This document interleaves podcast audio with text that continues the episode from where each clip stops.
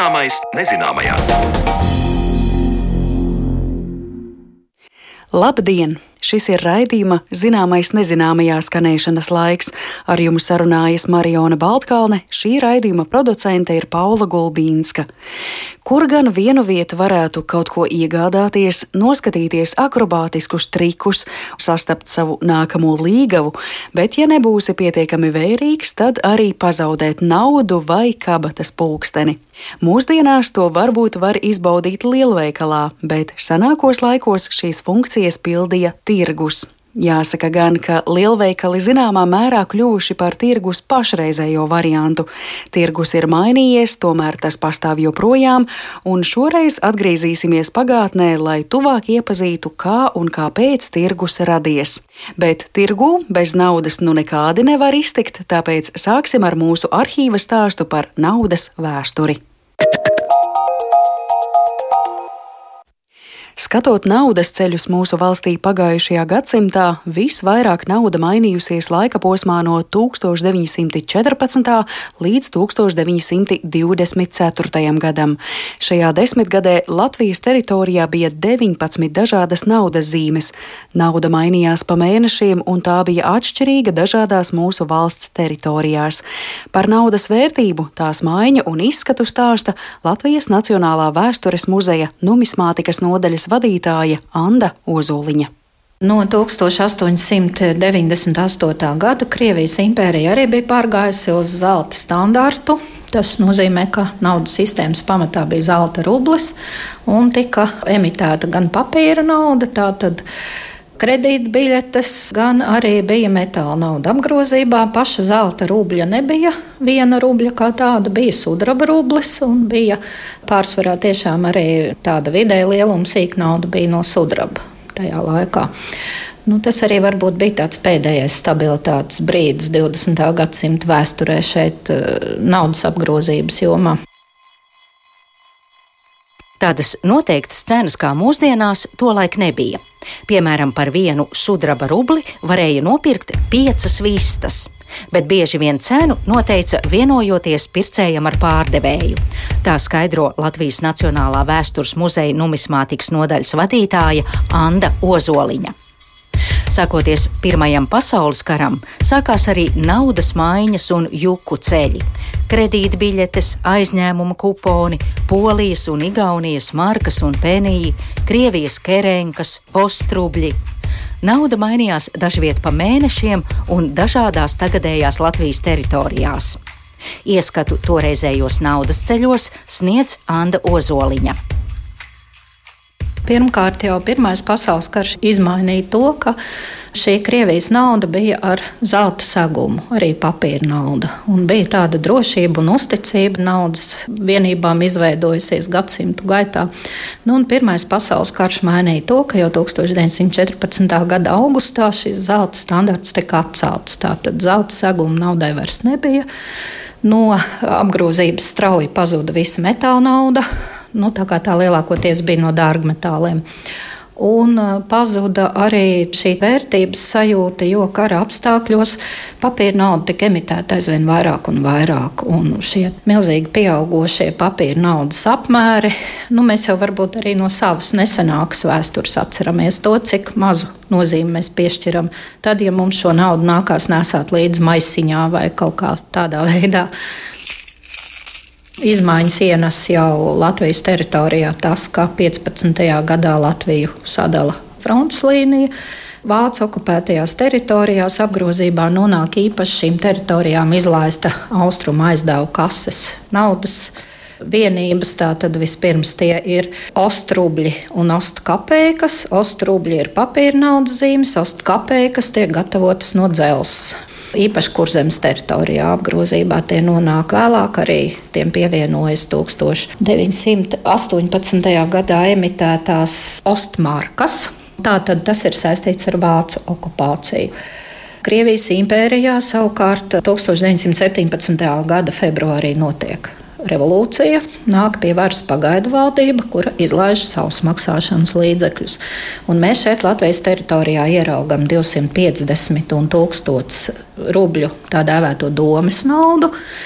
Un savukārt mazliet vēlāk, gada otrajā pusē, parādās arī 20 un 40 rubļi, jeb tā dēvētās kerēnkas pēc eh, ministru prezidenta Kerenska uzvārda. Nu, šīs naudas zīmes arī ir apgrozībā Latvijas teritorijā.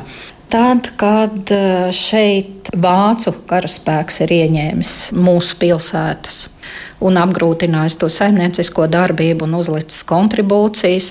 Šīs pilsētas ir spiestas izlaist savas pagaidu naudas zīmes, un tā tas notiek gan Liepājā, gan Jāgavā, gan Ventspilī, sākot no 1915. gada Liepājā un Jāgavā vēl pat līdz 1919. gadam. Vēl 18. gadā tiek izlaistas arī pilsētu naudas zīmes, jo vienkārši šo sīko naudas vienību apgrozībā katastrofāli trūkst. Nu, tad, protams, ir atkal vēl politiskās pārmaiņas, kas mums visu šo lietu padara raibāku, jo 1918. gada beigās eh, izveidotā padomju vara Latvijā arī grib sākotnēji lietot gan padomju Krievijas naudas zīmes šeit, šajā teritorijā.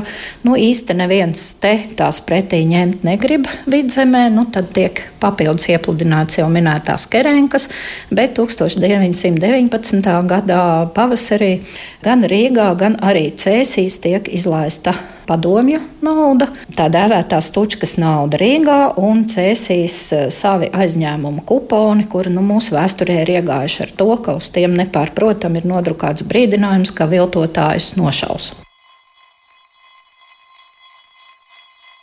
Anna Ozoliņa rāda grāmatu Naudas laika Latvijā, kur redzams cēsu apriņķa strādnieku deputātu padomes izpildu komitejas aizņēmuma kupons. Tautiskā ārdeko stilā drukāta papīra naudas zīme - desmit rubļu vērtībā, uz kuras arī lasāms ir minētais brīdinājums. Ja arī naudas zīme ir vizuāli pievilcīga, tad kā maksāšanas līdzeklis tā nebija augstā vērtē, bilst Anna Ozoliņa un turpina stāstu par naudas jukām 1919. gadā. Tad eh, aprīlī Liepājā notiekot Niedras pučam. Pirms tam jau ir uzsākta Latvijas rubļu emisija, bet Niedras valdība atkal nu, savā vārdā emitē šo Latvijas rublu mazliet savādākā veidolā. Tas arī ir apgrozībā. Tad rudenī, protams, mūsu lielās politiskās pārmaiņas un trauksme saistās ar Bermuda Bālova pasākumiem. Arī viņš ir izveidojis savā karaspēkā valdības padomu saimniecisko un pārvaldes jautājumu risināšanai, kura nodarbojās ar to, ka organizē patstāvīgas naudas izlaišanu sākumā Berlīnē, vēlāk Jāgavā. Nu, tad vēl atbrīvošanas kara laikā Latvijas ziemeļdaļā, kur ir teiksim, šajos te bruņotajos spēkos lielāks īpatsvars Igaunijai, un Igaunijā šajā laikā ir apgrozībā arī Somijas nauda. Nu, neliela šīs naudas daļa nonāk apgrozībā arī vidzemē, un vienu brīdi pat Igaunijas armijas virspavēlnieks pieprasa, lai arī tā tiktu atzīta par oficiālu maksāšanas līdzekli. Nu, tā gluži nenotiek. Bet, nu, tad, ja paskatāmies vēl mazliet tālāk, tad nākamajā gadā, turpinot Latvijas teritorijas atbrīvošanu, Latvijā apgrozībā nonāk vēl arī polijas nauda. Nu, tā tad viss šis haoss, kuram 1919. gadā pievienojās 7. aprīlī arī pirmās Latvijas rubļu naudas zīmes, varētu teikt, beidzoties neatkarības karam, ir tas mantojums, ko saņem jaunā Latvijas valsts ceļā uz savu patstāvīgu valūtu, pilnvērtīgu valūtu, latu. Tātad Latvijas rublis ir tikai pagaidu nauda, ceļa posms, kas iznes visu to ekonomisko smagumu. Līdz 1922. gada 1. novembrī mēs varam saņemt pirmo Latvijas lata naudas zīmi. 1919. gada aprīlī, kad klajā tika laists Latvijas rublis, kāds kareivis veikalā par šādiem 25 rubļiem ir gribējis iegādāties baltmaizes kukuli, taču veikalnieks nav gribējis ņemt pretī jauno naudas zīmi.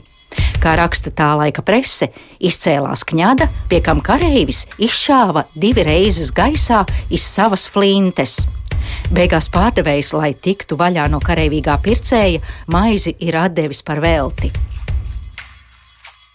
Atgriežoties atpakaļ pie tām ļoti daudzajām valūtām, laika posmā no 1914. līdz 1924. gadam, toreiz jau nebija tāda vienota banka vai naudas kaltuve. Es domāju, nu, kā tie cilvēki norēķinājās. Viņš aizbrauca Ventspilnieks uz Liepāju ar Ventspils naudu un mēģina tur norēķināties, vai tu naudai vispār kaut kāda vērtība bija, ņemot vērā visu šo raibumu. Nu, tur ir, lēkam, manuprāt, tādi divi aspekti ko būtu vērts pieminēt. Pirmkārt, tā vērtība naudai kara laikā bieži vien ir ļoti nosacīta. Jo, protams, ir nodevas maksājumi, darījumi, kas ir kārtojami naudā, bet eh, tādai cilvēku izdzīvošanai bieži vien svarīgāks ir tās lietas, kuras kārto graudā šādos apstākļos. Nu, otrkārt, tajās oficiālajos norēķinos eh, šīs naudas zīmes Latvijas teritorijā funkcionē pēc eh, tādiem savstarpēji noteiktiem mainīgiem kursiem. Tātad vairākas reizes eh, mēs atrodam gan arī presē, gan dažādās vēstures anālēs ziņas par to, ka, piemēram, 1918. gada decembrī, 11. decembrī, tātad Tūlīt pēc Latvijas jaunās valsts dibināšanas pirmais oficiāli noteiktais kurs vēsta, ka viens cara rublis ir pielīdzināts 88 kopēkām vai vienam rublim un 25 kopēkām domas naudā. Nu, Tātad tas deva kaut kādu iespēju cilvēkam orientēties un šīs vērtības salīdzināt. Bet, lai veiktu reālos darījumus, nu, tas bija ziedu laiki naudas mainītājiem. Jo, teiksim, ja piemēram Rīgā bija iecienītas vācu markas, bet vidzemē bija iecienīta Krievijas impērijas rubļi, tad cilvēkam, lai viņš varētu norēķināties Rīgā, nācās tos rubļus iemainīt pret markām. Un, un tad bija oficiāli ceļš, ko veica birža, kur varēja to izdarīt nu, varbūt ne tik ļoti izdevīgi, un ļoti daudz naudas mainītāju, oficiāli un neoficiāli kantorīšu, kur to varēja izdarīt izdevīgāk. Nu, tad nu, mums te laika biedru liecības vēsta, ka, lai nonāktu pie vajadzīgajām vācu zīmēm, Smilšu ielā parasti pulcējās daudz žīdu mainītāju, kas apturēja garām gājējus ar saviem piedāvājumiem. Tieši uz ielas mainīšana nenotika. Tur staigāja apbruņots vācu zaldāts, kam bija uzdots sekot, lai mainīšana nenotiktu. Bet mainītājs ar Krievijas naudas zīmju īpašnieku vienojās par to maiņas kursu. Pati naudas mainīšanas operācija notika biržas kafejnīcā vai namu koridoros. Bet tā bija tā laika ikdiena. Tas bija absolūti nepieciešami, lai vispār kaut kādā veidā kaut kāda ekonomika šajos apstākļos varētu funkcionēt. Runājot vēl par tā laika naudas zīmju izskatu, bija pat pastmarkas lieluma maksājumu papīri, kurus tad drukāja pa vairākām uz vienas loksnes. Un tas atkal norāda tik to, ka papīra naudai tolaik vērtības nebija. Pirmā pasaules kara laikā eh, no apgrozības eh, strauji pazūd Krievijas impērijas monētas, kuras lielākoties ir gatavotas no dārgmetāla, no sudraba.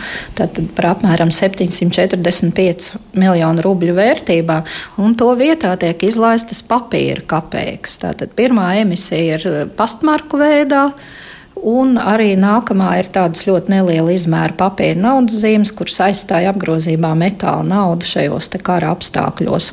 Un arī Latvijas jaunajā valstī tās pirmajā pastāvēšanas gadā pieņēma maksājumos legāli, gan ierobežojot to summu, kuru varēja šādās naudas zīmēs maksāt, bet arī tas bija legāls maksāšanas līdzeklis šeit Latvijas teritorijā.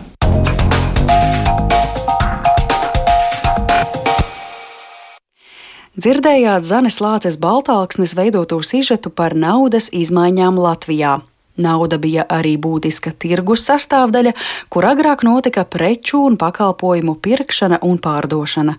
Kā tirgus veidojās dažādos gadsimtos, par to saruna pēc brīža.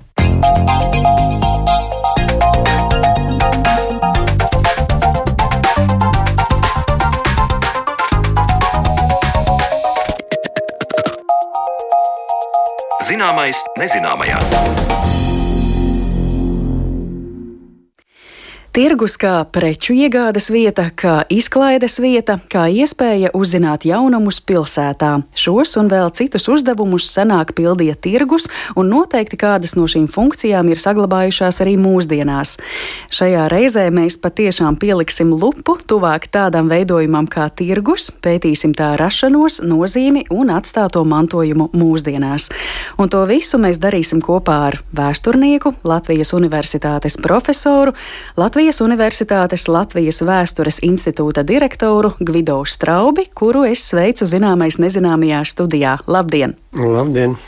Es pirms mūsu sarunas domāju par šiem vārdiem tirgus un tirgošanās. Nu, tirgošanās, protams, var būt ar ļoti plašu nozīmi, un es pieļauju, ka tirgoties par dažādām precēm, pakalpojumiem cilvēki sāka vēl pirms bija oficiāli noformējies tirgus. Vai tā ir?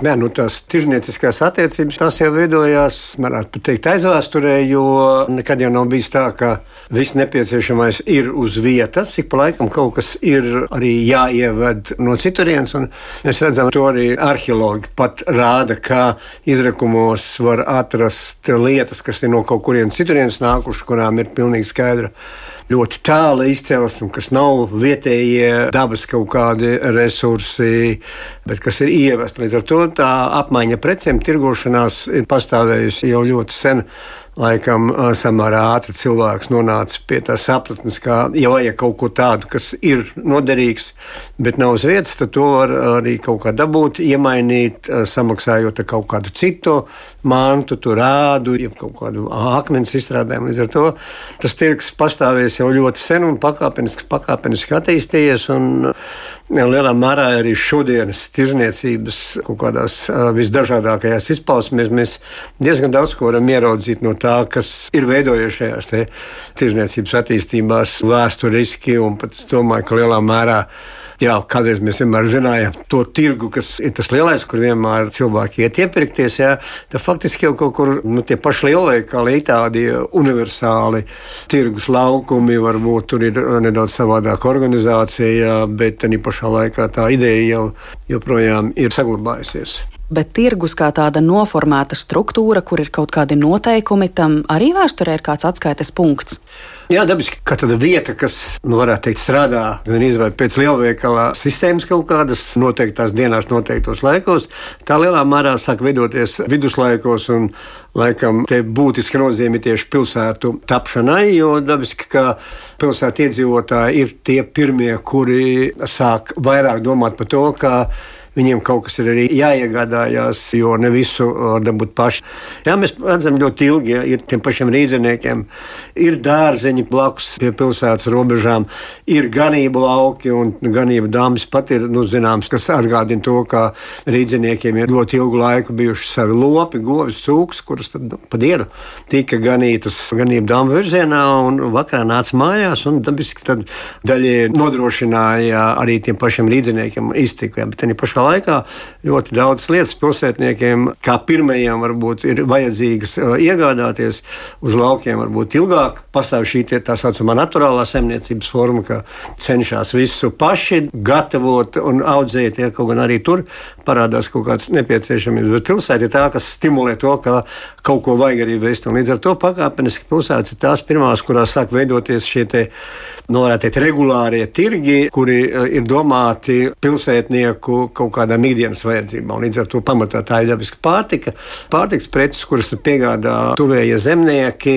Un līdz ar to nu, nodrošina, lai pilsētnieki būtu pēduši, pazēruši un priecīgi. Un ir interesanti, piemēram, zināms arī, ka 18. gadsimtā pat jau tā, ka, nu, parādās jau ļoti spēcīga šī izteiktā vajadzība pēc piegādātām precēm. Ļoti veiksmīgi darbojās mūžiņi, kas atrodas tagadējās Zaķu salas teritorijā, kur tagad mēs zinām, ir televīzija. 18. gadsimtā tur bija viena nu, ļoti specializējusies uz piena ražošanu mūža, kurā katru dienu nodrošināja Rīgu ar svaigu pienu, svaigu krejumu un mūža cilvēki ar laivām, jo toreiz jau vēl tilti nebija ar laivām, veda uz Rīgu, uz Rīgas centru tos savus izstrādājumus, jo 18. gadsimts jau ir tas laiks, kad ir mazāk rīznieki paši tur lopas. Līdz ar to nu, piens un sviests, kā viena no svarīgākajām laikam pārtiks precēm, nu, tiek piegādāta šeit. Tā mūža kādu laiku ļoti labi darbojās šajā laukā. Tas ir dabiski vajadzīgs, un līdz ar to ir šie tirgi, kas varbūt lielās pilsētās darbojās vairākas dienas nedēļā, jā, kas nodrošina iedzīvotājus ar pārtiku. Un mazās pilsētiņās varbūt ne tik bieži, nevar būt tik daudz dienas nedēļā, kā tas bija vajadzīgs varbūt Rīgā. Tad tas ir tas viens, tas ikdienas, jeb iekšējā patēriņa tirgus, un tad dabiski ir tie lielie tirgi, kurus arī dažkārt mēs mēdzam dēvēt par gada tirgiem, ja, kas bieži ir saistīti ar kaut kādiem lielākiem notikumiem. Bieži tur ir klāts kāds arī svētais, tāds reliks, laikam, saglabājies Latvijas vēsturē, cik es zinu, ir Valmierā, kur saistībā ar Sīmeņa baznīcu ir slavenais simjūdu tirgus, kas parādās arī kaut kur literatūrā latviešiem. Sīmeņa baznīca svētais, ja, svētais simjūds. Ja Simeons. Ja, nu, tas ļoti bieži tad tu vari ļoti labi redzēt baznīcas vizitācijas, kur vienmēr tas jautājums, vai ir tirgi un kā tie ir. Tad ļoti bieži ir, mēs redzam, ka tie ir ļoti saistīti ar attiecīgo baznīcas svētā vārdu, tur Anna, Marija. Tas tā kaut kā ietekmē. Jo tāds respekts var būt, ka ir nu, varbūt arī tā cerība, ka baznīcas svētais draugs, tas garīgais patrons nodrošinās varbūt veiksmīgāku tirgu, jo cilvēki šajā laikā, tāpat kā arī šodien, ir pietiekoši dievticīgi un dievbijīgi. Joprojām es zinu, ka Valmierieši regulāri organizē šīs simjūdu tirgus, tādus liels pasākums, kur blakus tam, ka notiek preču pārdošana dabiski, tur ir ne tikai tās ikdienas preces, kaut kādas pārtika, ja, bet tur nāk arī bieži klāt arī kaut kādi manufaktūru, amatnieku izstrādājumi. Un šie lielie tirgi ir arī tie, kas nodrošina to tirgus, kā izklaides, kultūras apmaiņas, komunikācijas funkciju. Un dabiski, ka, nu, diemžēl, diemžēl mums jāsaka, ka nu, tirgus arī tā ir tā lieta, kas ir vienmēr piesaistījusi e, ziņkārīgos, un, ja ir ziņkārīgie, tad ir arī tie, kas mēģina izmantot šo ziņkārīgo aizmāršību, un līdz ar to tur parādās kaut kādi zagļi, krāpnieki. Kriminālā pasaule ļoti orientējas uz tirgiem, jo tur ir pūlis, un pūlī jau vienmēr kaut ko aptīra. Arī noziedzības vēsture vienmēr saka, ka tirgus tā ir pilsētas bandu viens no darba laukiem. Mm. Speciāli viņi ievilina ar visādiem jokiem, spēlēm, strīdēšanos, un tad tu zaudē modrību. Un tad, kad tu mm. atopies, tad tev maka vairs nav pulksteņa. Nav. Pat bija speciāli šī te, nu, profesionāla orientācija, varētu teikt. Bija tādi, kas, teiksim, tikai maku zaga, bija tādi, kas tikai uz pulksteņiem, pamatā tie bija tie, nu, kāpēc pulksteņi. Un tas saimnieks tikai pēc kaut kāda momenta konstatē, ķēdi ir, bet pulksteņi mm. nav vairāk. Tas arī ir ļoti tipiski. Jā. Faktiski mēs redzam, ka tas tirgus ir vienmēr apaudzis ja visu kaut ko dabiski arī ceļojošie aktieri, teātri dažādi klauni un joku plēsēji un akrobāti, īpaši uz lielajos tirgos. Ja. Tā ir obligāta paralēlā pasaulē, kas nāk tirgiem līdzi.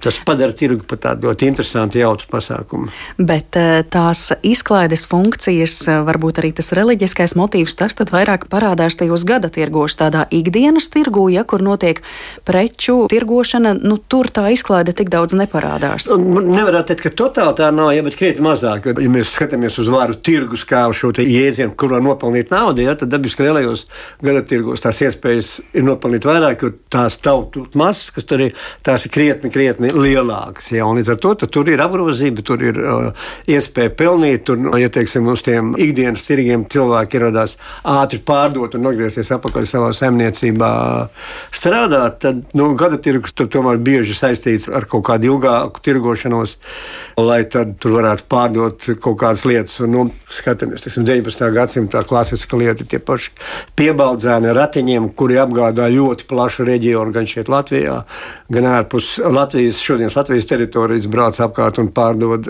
savus izstrādājumus. Tāpat arī nu, audēji un citi meistari. Un tad dabiski tā, ka nu, tu tur centies maksimāli pārdot to, ko tu esi saražojis. Tā ražošana arī pietiekoši ilgi, ja tas ir kaut kas cits. Un tad tur ir arī lielāka nauda un lielākas iespējas arī to naudu, kas tiek iegūta par pārdošanu, dabūt atpakaļ ievilinot cilvēku šajās izklaides būdās, azartspēlēs. Un dabiski, ka nu, tas tirgus aizņem pietiekoši daudz laika, cilvēkiem vajag paēst, vajag iet krogā. Un tad tur ir viena saules, divi un trīs sauli, un tad jau bieži arī literatūrā parādās tie visādie dīvainie stāsti, ka saimnieks atbrauc uz tirgu, pārdod cūku un atbrauc mājās bez nekā, jo nauda ir nospēlēta, jeb nodzērta, ja tā kā no tirguma ir dažādi vilinājumi. Mm. Jūs minējāt gan 18. gadsimtu saistībā ar tirgiem, gan 19. Vispār, ja mēs skatāmies tādā gadsimtu griezumā, labi, viduslaiki ir tas brīdis, kad attīstās pilsētas, kad tas tirgus sāka veidoties kā tāda vienība, piesaistīta vienai konkrētai vietai, bet, nu, piemēram, ja mēs salīdzinām 17., 18., 19. gadsimts, tur ir izteiktas atšķirības tirgu starpā. Nu, ir kaut kāda kopējā tendence, jo blakus šiem tīkdienas tirgiem, kas pamatā ir nedaudz biezākos apdzīvotos centros un pamatā pilsētās, jā, tad tie gada tirgi tie, nu, arī tomēr samērā izplatīti. Jā, to var arī redzēt arī 18. un 19. gadsimta, 17. gadsimta arī baznīcas vizitācijās, ka faktiski gan arī katra draudzene arī cenšas taisīt šos gada tirgus, kas saistīti ar, ar svētajiem kaut kādiem. Jā, tas arī ir gan dabiski tāds pasākums, kas nodrošina vietējo publiku kaut kādā apjomā, tur draudzē, un varbūt kaimiņu draudzēs mūžās, un varbūt ne pārāk lielā areālā ar šīm svarīgajām precēm. Bet nu, tas arī ir saistīts ar to, ka tas tiek pakārtots kādam svētajam, varbūt, jā, un visbiežāk šie tirgi notiek baznīcas tuvumā, lai tad būtu šī sasaiste, līdz ar to tas ir arī nu, kaut kāds tāds maziņš papildu ienākumu avots arī baznīcai, kas tad nu, iespējams dabūt kaut kāds procents par šīm lietām. Jā. Dabiski vienmēr ir cerība, ka tirgotāji pēc veiksmīgas dienas ies baznīcā un pateiksies augstākajiem spēkiem par veiksmīgu tirgošanos un preču pārdošanu. Varbūt pat dažreiz arī sākumā palūgt kaut kādu palīdzību. Jā. Līdz ar to nu, nedaudz spekulējot uz šo dievbijību un no respektu pret augstākajiem spēkiem, jā, tad baznīca arī nu, tā var kaut ko papildus nopelnīt. Jā, bet, nu, arī izmantojot šo savu monopolu par baznīcas tuvāku apkārtni. Tā, līdz ar to tur varbūt tādā specifikā, tādā, nu, ka tas notiek ar kaut kādu regularitāti, tur būtiskas atšķirības nav. Varbūt tās atšķirības pamazām sāk veidoties sevišķi tuvāk jau 19. gadsimtam, sākums tas, kur 18. gadsimta sevišķi otrajā pusē tam, ka parādās vien vairāk kaut kāda specifika un ir kaut kādas preces vien vairāk, kas tiek speciāli ražotas tādai nu, nosacīti lielu pārdošanu pārdošanai, ja nevis tā ikdienas pārdošanai, ja, bet nu, jau kaut kam lielākam, ja, jo parādās visādā rūpali, dažādas nodarbes, ja, un līdz ar to vajag kaut ko arī piegādāt. Līdz ar to tas preču klāsts kaut kāds mainās pēc tām attiecīgajām vajadzīgajām lietām, kas tiek piedāvāts. Un, un tad ir šie te, nu, jau lielie tirgi. Nērēķinās arī ar to, ka šajā laikā, jaunajos laikos, tātad 17, 18, 19 gadsimts, ir arī dabiski vēl tāds nu, nosacīti konkurence kas darbojas ārpus tirgiem, tieši šie ceļojošie tirgotāji, kurus uh, daļu kaut kāda arī vāciski sauc par šiem krāmeru tirgotājiem, krāmu tirgotājiem, kas latviešu valodā būtu apmēram tā, ja, kas vienkārši klimst apkārt, ja, un mēs paskatāmies Blaumaņas, Hododienas silmečos, kur Joski ir ar savu visu svītu, ja, un tirgo tur lakatiņus un audumus, ja. Tad, nu, tā arī ir tāda viena sistēma, kas kustās apkārt, bet nu, tā, arī tā bieži domāt par to, ka labi, nu, viņiem tirzniecība katru dienu, ja, nu, viņiem nav savs veikals, bet viņi klejo apkārt, viņi pārdod, nu, ejot no mājas uz māju pie viena arī varbūt kaut ko dabūnot, paēst un varbūt tas izgulēties. Bet nu, viņi, arī viņi parasti arī respektē tos lielos tirgus, lai tad, nu, ja viņi zina, ka kaut kur būs lielie tirgi, tad nu, to, tie parasti ir nedēļas nogalēs, ja, kad arī ir dievkalpojumi un līdz ar to tad, nu, tas tautas piepildums liels. Ja, tad viņi arī to izmanto. Ja, bet nu, viņi ir tie, kas varbūt nu, tā tirgojās, varētu teikt, 24, 7. Ja, tagad ir tas teiciens. Jā. Viņiem nav tāda orientācija kā varbūt tiem pašiem piebādzēniem ar ratiņiem, ka tas ir tad jā, tad ir tie lielie gada tirgi, kad braukā mm. un tirgojas. Līdz ar to tur nu, ienāk šī specifika, jo nu, vairāk tuvāk mūsdienām ir tas cilvēku intereses pēc modes lietām, apģērbiem, kaut kādiem tehnikas izstrādājumiem, arvien vairāk, un tas nāk iekšā. Varētu teikt, ka tas tirgus ir vienkāršāks sākotnēji, ja, bet nu, tuvāk mūsdienām tas preču klāsts pieaug. Mm. Vēl par tirgus funkcijām runājot, ir skaidrs, ka tur pirka preces un piedāvāja preces. Tur bija šī šis izklaides elements, kā jūs minējāt, tirgu mēdza parādīties arī ziņkārīgie, droši vien izplatījās arī baumas. Šo izklaides elementu mēs, piemēram, labi arī redzam mākslas filmās. Lennebergas Emīla nedarba ir tāds labs priekšstats, kur arī, piemēram, ir šis augstais koka staps, umur kumurs, kur tad ir jākāpj un jāiegūst kādi labumi, un arī Rīgā, kad mums ir notikuši gada tirgi, tad ir bijuši mēģinājumi imitēt eh, kaut ko tādu, bet eh, vēl par sociālo funkciju runājot, vai, piemēram, tirgus nodrošināja arī kādu izglītošanas darbu, vai, piemēram, mēdz teikt, ka tirgu varbūt sadarēja līgavu, vai arī tas bija aktuāli? Dabiski tas ir kaut kāds izglītošs pasākums, jo bieži cilvēki kaut ko ieraudzīja jaunu tirgos. Jo nejāņem vērā, tā jauno laiku specifika, respektīvi šī mobilitāte, kas ir ļoti atšķirīga no šodienas. Ja mums šodien nav nekādas problēmas kustēties, tad tomēr tajā laikā tā kustēšanās ir ļoti maza. Tādi brīvi cilvēki, kas var kustēties nu, nosacīti, tad, kad viņi grib, jā, tādu vispār ir maz. Pamatā tie ir pilsētnieki un aristokrātija. Tad šeit, ja mēs par Latviju runājam, tā ir mužniecība un mācītāji. Kaut gan nu, arī viņi ir saistīti ar kaut kādiem saviem pienākumiem. Nu, tie paši mācītāji nemaz nevar tik brīvi kaut kur aizklimt saņemt, jo viņiem tomēr ir regulāri jānodrošina tie dievkalpojumi. Ja, nu, mužniekiem varbūt vieglāk ir klimt apkārt, jo parasti jau mūžas to funkcionēšanu nodrošina mūža pārvaldnieki.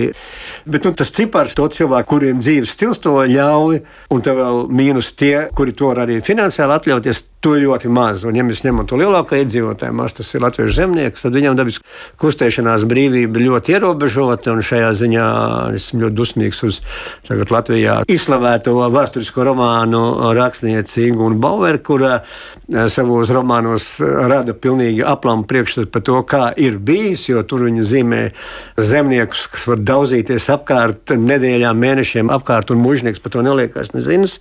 Tās situācijas, kas viņai dažos romānos ir ielikts, tas ir blefs. Es no vēsturnieku viedokļa šādus romānus pat ieteiktu labāk nelasīt, ja jūs negribat iegūt aplamu priekšstatu par Latvijas vēsturē. Bet zemnieks, nu, tad, tad viņš ir arī dzimts cilvēks līdz pat 19. gadsimta sākumam. Ar to viņa iespējas ļoti ierobežotas. Tad, kur viņš var tikt? Viņš var tikt savos darbos apkārt mājai, savus laukus apkopt. Nākošais tas varbūt aplis varētu būt mūža, kur viņš funkcionē klaušās, un pamatā tie vīrieši, kas var strādāt, jā, tad mūžās, kas iet klaušās. Un tad tas trešais līmenis tā ir draudzene, kur viņš regulāri nedēļas nogalē svētdienās dodas uz dievkalpojumiem. Un tad vēl dabiski vīriešiem ir tā varbūt privilēģija zemniekiem, ka viņi šo klaušu sistēmā, tā saucamajā pasākumā šķūtīs, tad pienākumu vest mūžas preces uz kaut kurieni, tad viņi var arī nu, braukt ar mužnieka īpašu teiksim, atļauju, ja komandējumā vest preces teiksim, uz Rīgu, pārdot labību, eksportēšanai uz rietumiem, sviestu, gaļu un ko tikai tur nevajag, un apakaļ vedot kaut kādas preces, ko mūža ir iepirkusi tirgus atkal kaut kādos tirgos. Ja. Līdz ar to tā kustība ir ļoti maza, un tirgus tā ir tā viena no tām iespējām kaut ko uzzināt, jo nu, tur sanāk cilvēki no dažādām lietām, līdz ar to tā ir gan kaut kāda politisko jaunumu apmaiņa, tur teiksim, nosacīta. Tā ir panorāma, kas varbūt ir pietiekoši reti cilvēkam pieejama. Nevis tā kā mēs tagad esam pieraduši katru dienu skatīties, kas jauns pasaulē ir. Jā. Bet tas ir arī kaut kāda jaunuma, tā ir mode, ko cilvēki velk, kā ģērbjās kaut kur. Jā. Līdz ar to nu, tā ir patiešām informācija. Un 18. gadsimtā apgaismības ideja iet pāri visai Eiropai, un tad ir tā mānija izglītot cilvēkus, kaut ko demonstrēt, kaut vai to, ka, kā saule un tā saules sistēma sistēma darbojas. Ja šādas lietas arī tiek demonstrētas arī bieži arī tirgos, lai cilvēki kaut ko uzzinātu, tur kaut kādas fizikas likuma darbību un tā tālāk. Jā. Tā kā dabiski no vienas puses tā ir arī pilnīgi pareiza tāda nu, informācijas apmaiņas vieta, kur cilvēki daudz ko uzzina. Tas labums, jā. Un, un iespēja arī kādu nolūkot, jā. Tā otrā lieta, tā ir tomēr jauni cilvēki, nu, tad arī nu, saskatās, jā, jo te atkal mēs ņemam vērā to, kā kustās cilvēki, ja tad atkal uh, jauni puiši un meitenes, nu, tās tikšanās iespējas jau ir nu, diezgan arī vārgas, jo tādi pasākumi kā šodien tik daudz nav, ja līdz ar to tad ir tā viena lieta, tad ir svētdienās dievkalpojumi, bet tad atkal puišiem jāsēž vienā pusē, meitenēm otrā, nu, te vienmēr tu vari visu tur apskatīties un izpētīt un ko. Tā ir problēma, nu, bieži mēs arī literatūrā kaut kur lasām, nu, bieži tā, ka, ja zemnieki gana govis, ja mužā, tad dažreiz viņi kontaktējās ar kaimiņiem, ja, un dabiski jāņem vērā arī tā Latvijas, varbūt atšķirība vienīgi Latgalē savādāk, jo tur ir šis ciema, jeb sāģu princips, kur cilvēki dzīvo tuvu vienā telpā, jā. Tur tā komunikācija varbūt ir vieglāka, bet vidzemē, kurzemē, kur ir šīs te viensētas, ja, tie attālumi pietiekoši lieli, lai tā nu baigi daudz neblandītos mm. apkārt. Jā. Tad, jā, dievkalpojums tā viena vieta, kur var komunicēt, iepazīties, un otra lieta dabiski ir šie tirgi, ceļi, šie lielie tirgi, kur tad nu, ir kaut kas interesants, un tad cilvēki brauc, un, un ģimenes locekļi tiek ņemti arī līdzi, lai kaut ko redzētu. Tā, tā, tas ir nu, tā iespēja kaut ko redzēt. Nu, arī dabiski jāņem vērā arī tas, ka tajā laikā. Diemžēl bieži var būt kaut kādas jaunu cilvēku apusējās simpātijas, nebija tā svarīgākā lieta. Bieži vecāki skatījās, kas varētu būt noderīgs ģimenei šādām lietām. Skatās.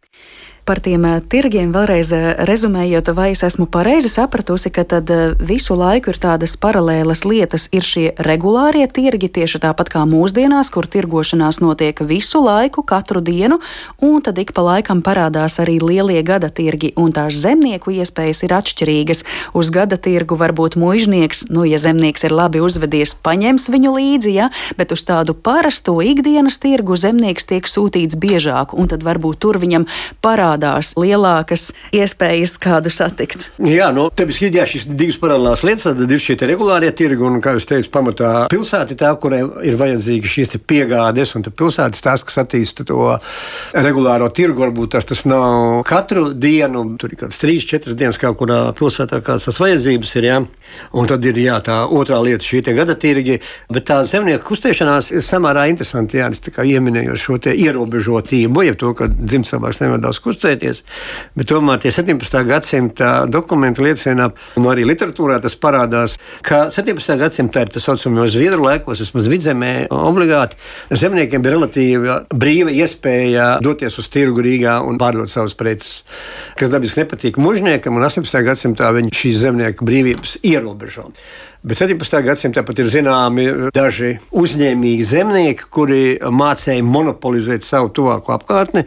Un uh, tad, lai nebūtu katram zemnieciņam, varbūt jābrauc uz savu mazo precīti, kas viņam ir palikusi pāri, ja tad parādījās tādi, kas savāca no lielākas apkārtnes produkciju un veidā tirgoties. Daži zemnieki pat bija atstājuši nomātā savas saimniecības, jo viņiem nu, nebija laiks tur strādāt, bet viņa pamatā viņš menedžēja šo lauksaimniecības preču iegādi no saviem kaimiņiem un veda to uz Rīgu. 18. gadsimta mūžniekiem tas baigi nepatīk, jo tā ir konkurence, jo pamatā mūžnieks arī mūžus sāk vien vairāk orientēties savā ražošanā uz tirgu, labība, gaļa, līnija, ko tikai tur neaudzē, ko visu var pārdot. Ar pienproduktiem ir tā, ka faktiski pienprodukti kļūst par tādu no tirgus preci populārāku vairāk jau 18. gadsimta beigās, 19. gadsimtā, jo uzlabāšanas problēmas ļoti lielas, jā, lai varētu realizēt. Jā. Sviests, jā, ok, tā ir tā vienīgā iespēja, bet taisīt jogurtu, saldējumu un tādas lietas tajā laikā tas nav baigi aktuāli. Jā. Tā kā piens, kad preci ienāk, varbūt krietni lēnāk. Jā bet citas preces, jā, kur šī uzlabāšanas problēma nav tik aktuāla, tās iet un, un mūži ļoti orientējās uz lielu pārdošanu, jo tā uzreiz ir peļņa. Jā, sevišķi labība ļoti aktīvi pārdot. Turklāt 18. gadsimtā, kad mēs tiekam pirmoreiz okupēti no austrumu kaimiņa vidzemē, pēc tam Latgalē un Kurzem gadsimta beigās, tad parādās arī tā otra iespēja labību pārdot ne tikai, lai izmantotu to maizes gatavošanai, bet nāk tas sliktais, kur var, lai es reklāmā apakšā titros, ka alkohola lietošana ir uh, atstāja negatīvu ietekmi. Jā, negatīvu ietekmi, respektīvi alkohola ražošanai. Jā, un turklāt tā ir tā dīvainā lieta, ka faktiski ļoti liels apjoms labības tiek pārdots tieši sākot ar 18. gadsimtu Krievijas imperatora armijai. Tur vienmēr tās diskusijas, kāpēc, citreiz nu, drosmei un tā tālāk, bet nu, esmu dzirdējis tomēr, ka tas nesot īpaši saprātīgi pirms kaujas dot to degvielu, jo tu nekad nezini, kāda var būt reakcija. Bet degvīns ir ļoti labs Atkal reklāma, tas nav labi.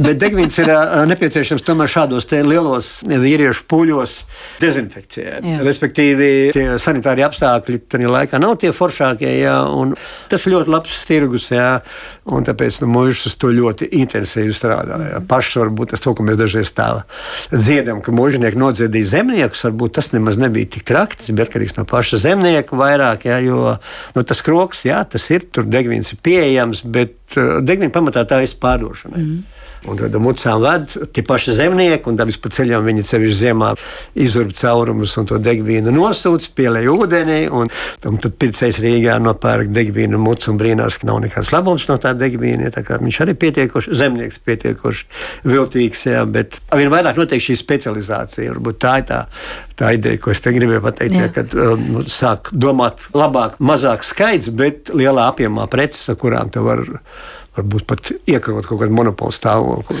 Un kādām specifiskām precēm. Es šajā saistībā vēl gribēju jautāt, vai parādās arī kaut kas eksotisks. Nu, mēs par modi runājam, varbūt arī mm. mode savā ziņā ir kaut kas eksotisks, bet, piemēram, kādi neparasti dzērieni vai, piemēram, dzīvnieki, vai ar tādiem arī tirgojas? Mm. Nu, dzīvniekus nemācīšu teikt, bet ēdieni, jā, ir ļoti forša lieta. Rīgas ostas grāmatas, kur faktiski katrs kuģis ir uzskaitīts, ko tas atvada. Jā. Nu, dabas tur ir tradicionālās lietas, tur dzēles, kaut kādas vadmalas. Ja. Šie te tekstīli izstrādājumi, tā ir viena lieta, ko mēs redzam, kur viss kaut kas parādās, kur ir angļu vadmalā un franču un visdažādākie šie te tekstīli izstrādājumi līdz pat ļoti smalkiem. Tā ir viena lieta, tad ir visdažādākās smaržas un garšvielas, kas nāk. Es vienreiz atradu viena kuģa sarakstu, kur ir vesels klāsts ar kaut ko, kas viss bija franciski, bet tā kā franciski man tikai tas, ko es zinu no šveika. Ja. Līdz ar to es nekad vēl neesmu pārtulkojis, bet nu, tur ir nu, patiešām vesela gara lapa ar preču nosaukumiem. Nu, var saprast dažas lietas, ja, ka tur ir visādas garšvielas, kas tiek vēstas. Ja.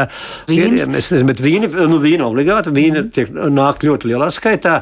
Es ka pēc 17. un 18. gadsimta parasti Bordo vīni, kaut gan no Bordo jau nav tā vienīgā vieta, no kurienes Francijā ved vīnus, bet parasti tas tā nāk. Ja, bet, nu, ir arī vācu rēnas vīna ļoti bieži parādās. Tad ir interesanti diezgan pagaršs alu saraksts. Nu, alu arī ražo uz vietas, bet arī alu ved arī no, no Ziemeļvācijas, Dānijas. Un tad ir interesanti, ka samērā daudz rīznieki patērē tumšo alu, jeb angļu. Bet nu, var saprast, ka tas nāk tikai uz Rīgu, jo tas ir tā smalko rīznieku dzēriens. Bet tas apjoms ir pietiekoši liels. Un tad 18. gadsimtā skatos, sāk parādīties arī šampānietis, dažreiz arī konjaks sāk parādīties. Ja tas dzērienu klāsts arī pamazām pieaug pieaugt. Tad ir dažādi augļi. Ir ļoti interesanti, ka atrast kaut kādu norādi, ja, ka tiek vēsti apeli Ķīnā, ja respektīvi apelsīni, kas ir Ķīnas āboli, ja, tad no tā tulkojuma, ja, kas tiek vēsti uz Rīgu, bet uh, preces sāk bojāties, un līdz ar to kapteinis saprot, ka ir ziepes, nevarēs realizēt Rīgā, jo kamēr tiks līdz Rīgai būs sabojājušies, un viņš līdz ar to brauc uzreiz Ventspilī iekšā un pārdod Ventspilī tos apelsīnus, lai tad nu, varētu maksimāli pelnīt. Ja, tā kā nāk arī apelsīni, citroni, uh, šādas lietas vīģes.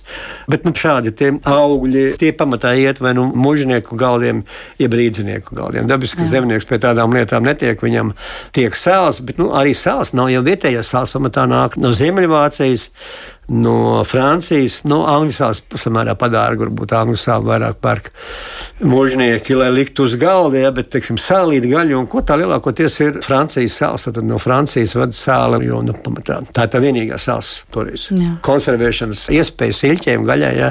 Jā. Tā bet, kā... ziniet, es iedomājos to situāciju, nu tā, ja mūžnieks bija labvēlīgs un to zemnieku paņēma līdzi uz lielo gada tirgu, kur, lūk, parādās šādas fantastiskas lietas, tad tas zemnieciņš varbūt tā ar tādu skumju aci no attālumu uz to paskatījās, bet varbūt arī nekad nepagaršoja. Visticamāk, nekad nepagaršoja, vai ne? Visādas nu, vīģes, nu, piparus un ko tik vēl ne. Nē, nu zemniekiem ir dabis tas racions ir krietni īsāks. Šajā ziņā varbūt, ja mēs gribam runāt par latviešiem, ja, tad savs labums varbūt bija tiem latviešiem, kas strādāja mužā, tad, kas bija muža kalpotāji, tiem jau kaut kas palika vienmēr pāri no mužnieka galda. Līdz ar to viņi kaut kādas tādas lietas gan jau pa laikam nogaršoja, jā, bet nu, zemniekam jāmazāk. Kaut gan zemnieks jau arī mācās no. Un līdz ar to no arī viņš pamazām kaut ko uzzina. Tā naudas saprit jau kaut kāda ir. Kaut kad mēs starpkara posmā un arī padomu laikos bija tā moda vienmēr runāt latviešu zemnieku kā tādu super trūcīgu, nabadzīgu cilvēciņu, bet Ja mēs skatāmies vēsturiski, tad mēs redzam, ka viņam tā skaidrā nauda arī uzkrājās no kaut kā. Tātad nu, zemnieks jau ir pietiekoši viltīgs, un viņš vienmēr padomā arī par rītdienu. Jā. Jā. Tā varbūt tas ir tā zemnieka mentalitāte. Pamatā viņi ir pietiekoši racionāli un domā par nākotni. Un, un tirgus tā ir tā lielākā iespēja zemniekam to skaidro naudu nopelnīt, jo savādāk nu, mūžnieks jau nemaksā par darbu nu, līdz zimušanas atcelšanai, ja tad parādās augoties darba spēks. Bet viņam vienmēr jāmeklē tās iespējas kaut ko nopirkt, jo viņam arī saimniecībā vajag kaut ko. Jā, drēbes, kaut kādas zirgu, govis kaut vai kāzas uztaisīt. Līdz ar to nu, viņš arī tādā tirgu iet iekšā un kaut ko tirgu. Nu jā, un, protams, jūs pieminējāt zirgus, govis, tā kā dzīvnieki tirgu arī bija, bet es vēl gribēju jautāt, mūsdienās par tirgu ir skaidrs, ka kāds to uzrauga, piemēram, pašvaldība vai kāds cits. Kā bija toreiz? Arī kāds to kontrolēja regulārajos tirgos vai gada tirgos, ko mēs tur drīkstam tirgot, cik daudz, vai tie būs ārvalstu pipari, vīns, vai kāds atved tirgot zirgu govi, kā tas atkal bija Emīla nedarbos.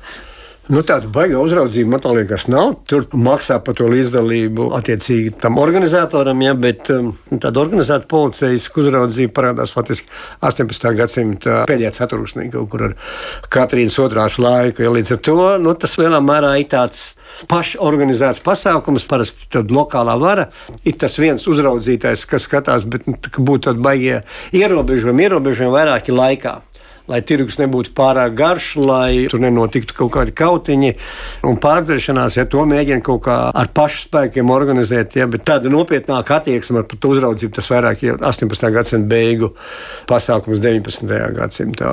Ja, līdz ar to nu, tā kā tas varbūt šodien, kad ir visādi dienas, kas skatās, ko kā pārdod, tas nav un gal galā jau Tiksim, tās preces, viss, kas tiek ievestas pa jūru iekšā, ja, tās jau visas ir nomuitotas, un līdz ar to jau valsts jau ir paņēmusi savu naudu par šo preci, un tālāk jau tā ir tā tirgotāja problēma, kur viņš to liek un kā viņš realizē. Tā kā tāda baigi pārspīlētā, varbūt uzraudzība tomēr nav.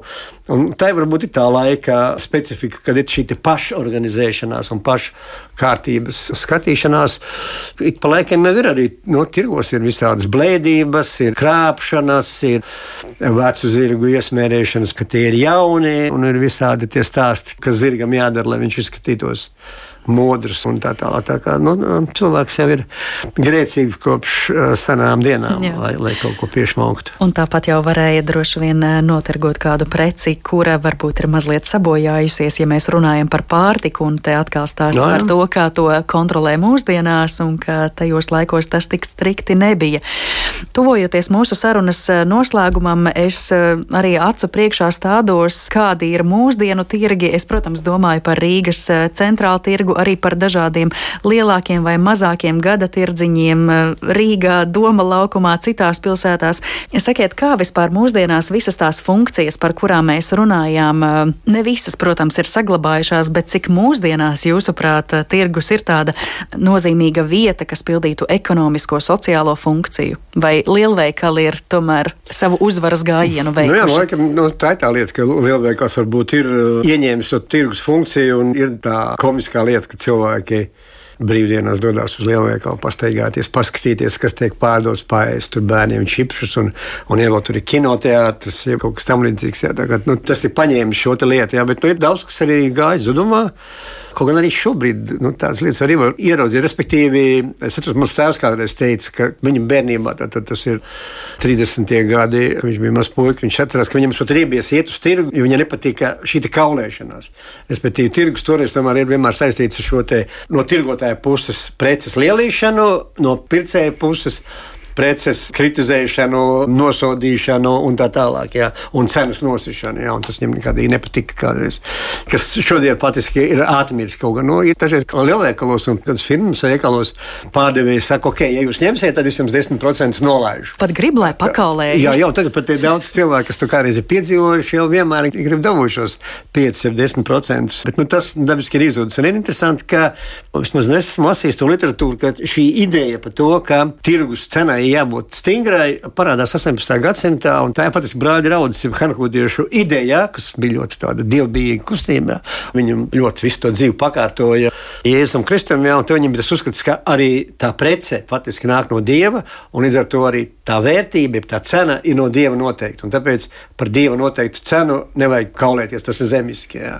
Un tas, kas šodien mūsu lielveikalos, tomēr ir, ka mēs visur, nu, jebkurā veiklā mēs ejam, redzam, jā tā šiltīte cena tāda un tāda, un tad mēs varam rēķināt, varam nopirkt, nevaram nopirkt. Jā, kas toreiz no, ir tirgošanās objekts Latvijā. Es nezinu, vai no tirgos tas ir iespējams. No, ja mēs gribam to izbaudīt, nu jābrauc uz Stambulu laikam, kur var tirgoties uz Izraēlu. Dažreiz jau smējās, ka nevis Latvijas atbrauc uz Izraēlu, uz Stambulu un uzreiz pērk pa pirmo cenu, un tie brīnās, nu, trakstēs, ja, jo tā pirmā cena bieži vienkārši uh, momentāli dubultīgi, ja trīskārtīgi nekā reāli tas maksā, un pārdevies nemaz necer uz to cenu, ja, bet, nu, mums kaut kā tādā latviešu pieklājībā un kautrīgumā mēs tā, ah, ah tā, nu labi, nolamājamies pie sevis un pērkam. Bet, Jā, varbūt mums ir sākusi snaust tā īpašība, kas mums agrāk piemita, ka mēs mācējām kolēties, un tagad mums ir jāatdzīvina tas no jauna. tas, tāds, nu, tas ir piedzīvojums. Jā, jā.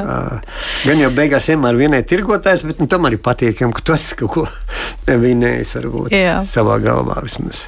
Jā, nu tiešām interesants organisms. Es atļaušos tā teikt, ir tirgus, kurā savies kopā tik daudz un dažādu parādību un funkciju, no vienkāršas preču tirgošanas, siena, labības, liniem, gaļas, līdz iespējai tiešām ar kādu iepazīties, izklaidēties, kaut ko mācīties, droši vien arī dzirdēt kādu politisko paziņojumu no kādām vietējām varas funkcijām. Tas viss tad sasaucās tirgū. Saku jums lielu paldies par šo sarunu, un jā, atliek varbūt tikai atgriezties pie kādām prasmēm, iemaņām, kuras mēs agrāk eh, apguvām tirgū un liktās lietā arī mūsdienās. Atgādināšu, ka mēs sarunājāmies ar vēsturnieku, Latvijas Universitātes profesoru, Latvijas Universitātes vēstures institūta direktoru Gvido Straubi. Paldies! Un ar to mūsu šīs dienas raidījums izskan. Par to parūpējās producente Paula Gulbīnska, mūziku izvēlējās Girds Bišs, skaņu režijā bija Kristīna Delle un Mariona Baltkalne pie mikrofona mikrofona. Paldies, ka pievienojāties mums šajā stundā un lai patīkams dienas turpinājums. Visu labu!